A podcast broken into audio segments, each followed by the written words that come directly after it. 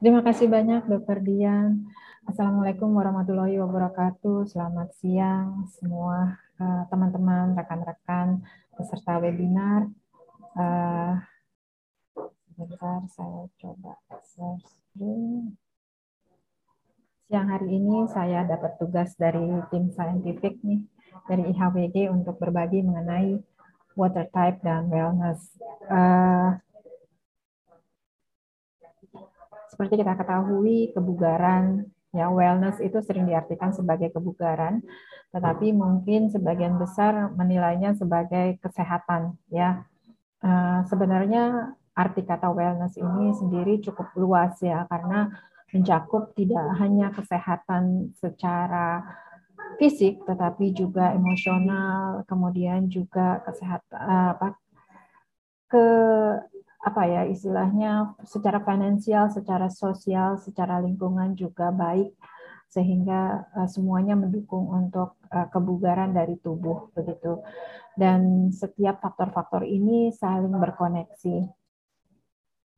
Nah, untuk ini berkaitan dengan wellness uh, jadi suatu kondisi di mana tubuh itu sehat tetapi juga uh, membutuhkan dukungan dari kesehatan fisik, kemudian asupan tentunya, aktivitas fisik, serta tentunya uh, dukungan dari sosial emosional serta spiritual dan lingkungan.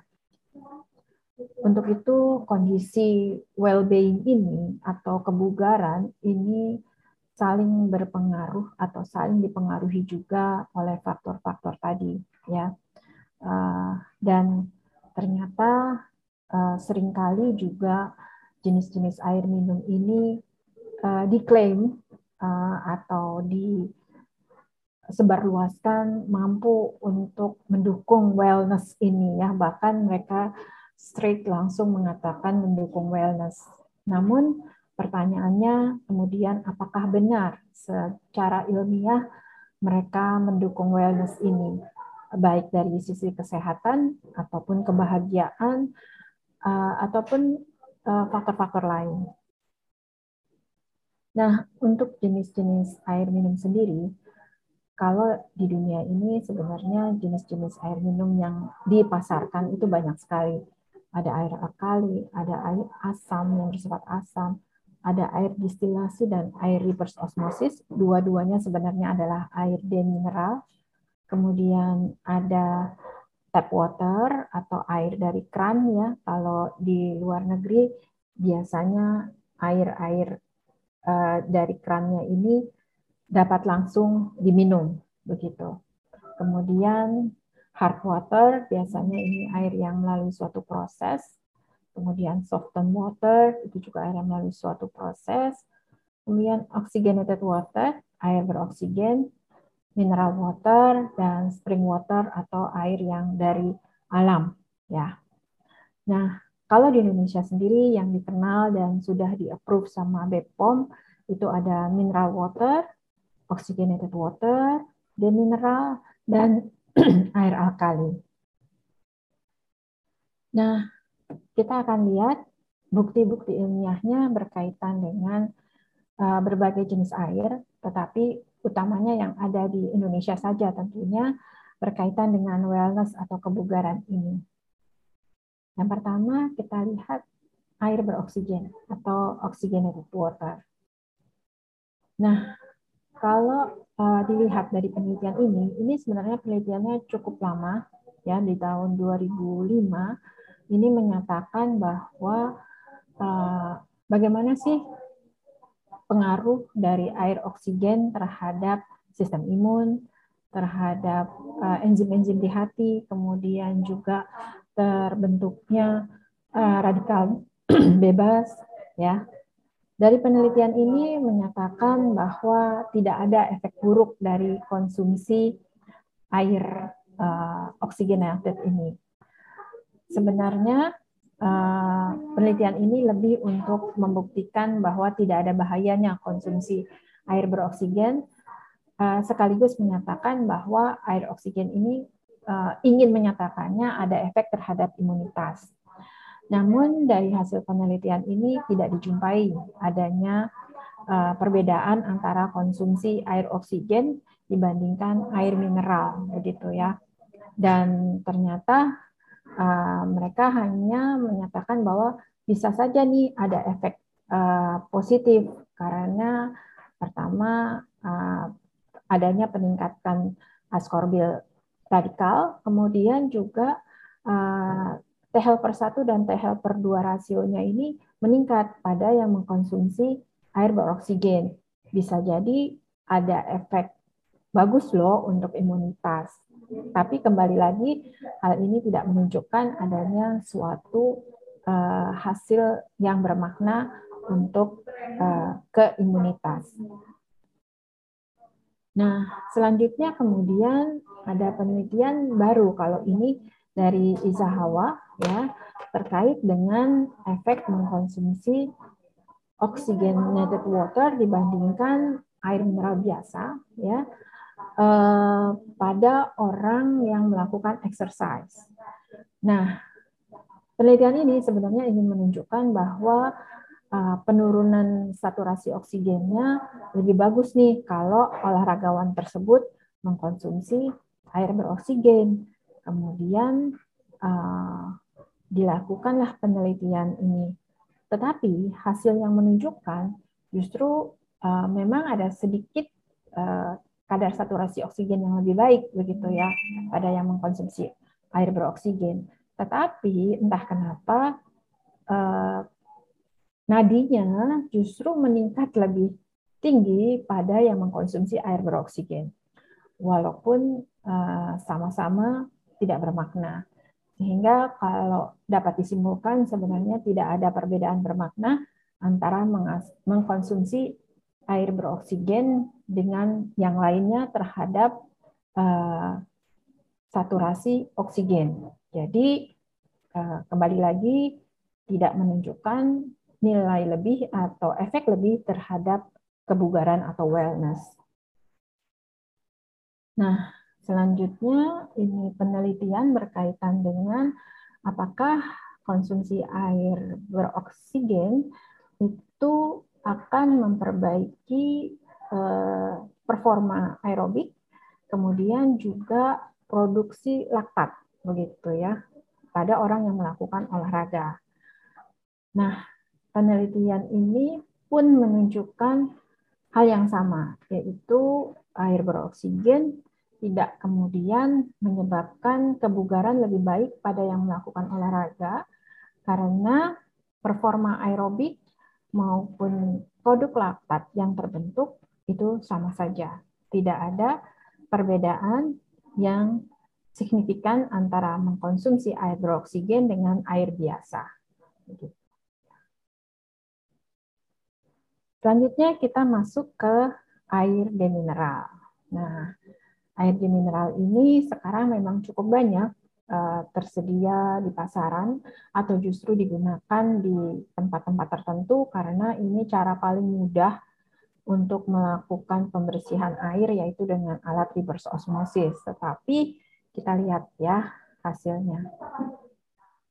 Nah, dari penelitian yang pertama ini di tahun 2013 ya uh, apakah kemudian air dia mineral ini bagus dari hasil uh, uh, studi ini justru menunjukkan bahwa kita diingatkan bahwa harus hati-hati mengkonsumsi air dia mineral dan kalau memang harus mengkonsumsi air dia mineral harus dipikirkan bagaimana untuk uh, memperbaiki kekurangan yang dapat terjadi Eh, kekurangan dari mineral yang terjadi akibat mengkonsumsi air demineral ini. Bahkan eh, studi ini merekomendasikan lebih baik melakukan eh, pembersihan air dengan menggunakan klorin yang terpenting kadarnya terukur dan terjaga untuk kesehatan ya jadi seperti air pump kita dibandingkan membuat air minum atau sediaan air minum dengan menggunakan proses reverse osmosis. Nah, kemudian ini studi prosesional yang menunjukkan bagaimana uh, air demineral ini berefek secara langsung terhadap uh, defisiensi vitamin B12. Di sini dapat dilihat ya uh, bahwa orang-orang yang mempunyai riwayat konsumsi air demineral atau air reverse osmosis ini secara bermakna memiliki uh, defisiensi vitamin B12 dan ini uh, akan apa ya akan dikurangi atau diperbaiki apabila subjek mengkonsumsi uh, susu salah satunya karena dapat uh, memperbaiki defisiensi tersebut. Jadi uh, penelitian ini menyimpulkan bahwa penggunaan atau konsumsi air demineral atau air reverse osmosis ini akan berhubungan secara bermakna dengan defisiensi vitamin B12. Uh, walaupun ini adalah studi cross-seksional karena tentu tidak mungkin melakukan studi kohort uh, dengan memaksa orang mengkonsumsi air reverse osmosis yang kita tahu uh, ada kemungkinan berefek buruk terhadap tubuh. Nah, kemudian di Cina dilakukan penelitian berkaitan dengan efek konsumsi air minum rendah mineral terhadap tinggi badan dan uh, kesehatan gigi. Ya, ini mendapatkan bahwa kejadian uh, karies dentis ya pada anak-anak yang uh, mengkonsumsi air yang rendah mineral itu secara bermakna lebih tinggi pada yang mendapatkan atau mengkonsumsi air reverse osmosis. Begitu juga dengan uh, percepatan pertumbuhan tinggi badannya. Ya, nah, mungkin ini lebih jelas ya. Jadi uh, studi tersebut kemudian dilanjutkan uh, dengan menganalisis ya, menganalisis lebih lanjut bahwa ternyata memang kalau dilihat dari asupan, konsumsi air minum itu menyumbang angka cukup besar terhadap uh, asupan harian dari kalsium, magnesium, ya, kemudian juga uh, kalium dan fosfor juga. Jadi uh, fluoride saya. Jadi memang inilah mungkin yang menyebabkan anak-anak yang mengkonsumsi air yang rendah mineral mengalami pertumbuhan berat badan, uh, tinggi badan yang lebih rendah ya dibandingkan yang mengkonsumsi air biasa. Dan ini semua menunjukkan bahwa air reverse osmosis atau air demineral itu berefek buruk pada pertumbuhan dan perkembangan anak-anak. Nah, kemudian ini ada satu studi lagi yang melihat bagaimana pengaruh mengkonsumsi air reverse osmosis atau air demineral terhadap uh, kepadatan tulang ya. Di sini juga menunjukkan hal yang sama ini pada orang dewasa di mana terdapat korelasi positif yang kuat ya antara minum air demineral atau reverse osmosis dengan kepadatan tulang. Ini kalau kita lihat uh, lebih mudahnya gambarannya di mana uh, densitas tulang, kemudian juga risiko terjadinya osteoporosis secara bermakna berbeda antara yang mengkonsumsi air biasa atau tap water dengan air reverse osmosis. Eh, dan ini kita bisa lihat di sini kemaknaannya cukup besar ya. Nah, oleh sebab itu tidaklah heran kalau kita uh, membaca WHO pun tidak merekomendasikan untuk mengkonsumsi air demineral atau air reverse osmosis karena ini berimpact buruk untuk kesehatan tubuh atau kebugaran secara keseluruhan ya. Dan kalau memang ada wilayah tertentu yang terpaksa meminum mengkonsumsi air demineral ini, maka sangat-sangat dibutuhkan suplementasi. Nah, bagaimana dengan air alkali? Air alkali ini termasuk air yang sangat-sangat sering dipromosikan sebagai air yang menunjang kebugaran ya karena katanya tubuh kita cenderung bersifat asam sehingga air alkali atau air yang bersifat basa akan sangat membantu kebugaran tubuh. Hanya kita lihat ya. Nah, ini adalah suatu penelitian yang ingin menunjukkan bahwa air alkali yang didapat melalui proses elektrolisis ya eh, memiliki efek positif terhadap kebugaran termasuk terhadap eh, apa namanya kesehatan saluran pencernaan. Tetapi kembali lagi hasil penelitiannya tidak menunjukkan adanya perbedaan yang bermakna dengan mengkonsumsi air yang biasa. Secara kandungan mineral hampir sama antara air uh, alkali dengan air biasa. Kemudian kalau dilihat di sebelah kanan sini ya uh, mereka mengklaim bahwa ada perbaikan nih terhadap pada saat bangun tidur, kemudian pada saat uh, tidur begitu ya lebih nikmat lebih nyaman yang mengkonsumsi air air alkali ini. Tetapi uh, pada analisisnya tidak ditemukan hal tersebut. Ada berbeda bermakna. Jadi sama saja. Uh, ini juga analisis lebih lanjutnya terhadap keluhan saluran pencernaan, apakah ada perbedaan bermakna antara kedua uh, konsumsi tersebut antara air alkali dan air minum biasa. Kembali lagi tidak ditemukan hal tersebut ya, jadi sama saja. Nah, kemudian ada suatu penelitian di tahun 2018 uh, yang menyatakan uh, apakah ada perbedaan bermakna antara konsumsi air alkali terhadap gut mikrobiota ya jadi bakteri baik uh, dalam saluran pencernaan dan pengaturan uh, kadar gula darah yang tentunya akan berefek uh, terhadap kebugaran kalau memang benar. Dan kembali lagi hasil penelitian ini dibandingkan dengan konsumsi air mineral biasa tidak ditemukan adanya perbedaan ya.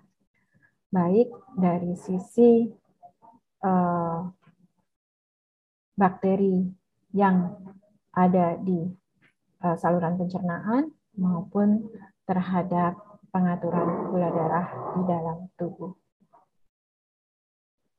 Nah, ini kemudian adalah penelitian uh, jangka pendek, yaitu konsumsi air alkali selama tiga hari terhadap hmm, kemampuan anaerobik ya.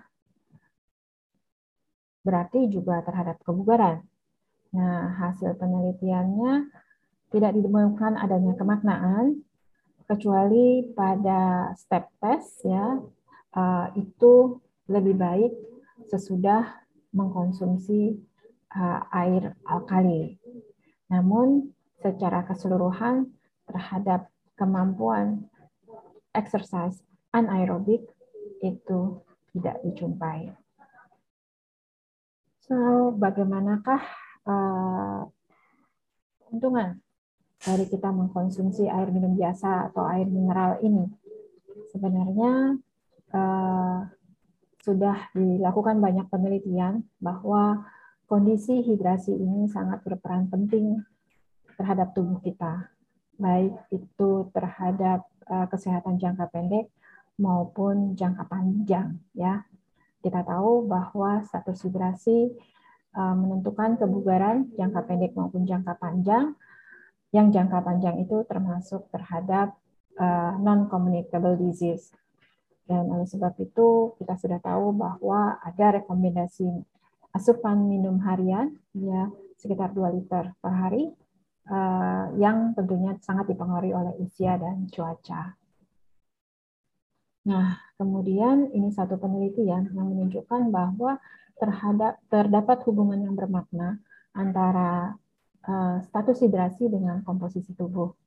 Jadi eh, orang-orang uh, yang berkomposisi orang-orang uh, yang berstatus hidrasi normal biasanya komposisi tubuhnya akan lebih baik eh, dibandingkan orang-orang yang status hidrasinya kurang. Sehingga uh, keseimbangan air ini uh, sangat berhubungan dengan uh, komposisi tubuh yang sehat dan mendukung kebugaran tentunya. Nah, ini adalah suatu penelitian cross-seksional yang kembali lagi menunjukkan bahwa resiko kardiometabolik pada orang dewasa uh, di komunitas itu ternyata uh, berhubungan dengan status hidrasinya. Jadi kalau orang-orang dengan status hidrasi yang baik, maka uh, biomarker biomarker terhadap risiko kardiometaboliknya lebih baik. Dan ini penelitian uh, semakin membuktikan bahwa kondisi kurang hidrasi atau dehidrasi itu berhubungan dengan kebugaran secara menyeluruh, menyeluruh baik itu terhadap obesitas maupun terhadap eh, penyakit-penyakit kronis atau non communicable bahkan kematian ya. Ini adalah satu gambarannya bagaimana status hidrasi dikaitkan dengan penyebab kematian ya baik itu secara keseluruhan ataupun dihubungkan dengan penyakit kronis. Ini juga sama, hanya satu persatu saja. Dan ini adalah uh, hasil penelitian yang menunjukkan bahwa status hidrasi sangat berhubungan dengan kebugaran atau wellness seseorang. Penelitian ini dilakukan terhadap dua perusahaan ya yang dilakukan pemantauan uh, minum airnya disertai dengan edukasi untuk minum air dan sekaligus pengingat untuk minum air. Dan didapatkan perbedaan bermakna kalau yang sebelumnya uh, minum airnya tidak teratur atau juga jumlahnya kurang sesuai, itu secara bermakna berpengaruh baik terhadap kebugaran secara langsung uh, maupun terhadap Eh, satu persatu pemeriksaan baik secara fisik maupun mental. Sehingga hal ini sangat mendukung untuk suatu kegiatan uh, minum air bagi karyawan. Ya, ini ya hasilnya salah satu yang paling jelas terlihat bermakna adalah terhadap uh, tekanan darah, kemudian juga terhadap uh, aktivitas fisik atau kemampuan fisik.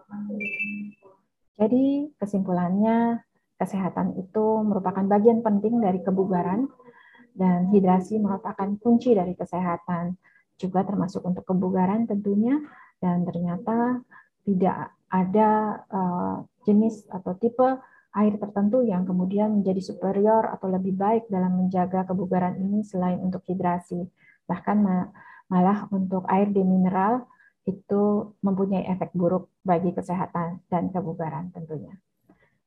Demikian yang dapat saya sampaikan Dr. Dian.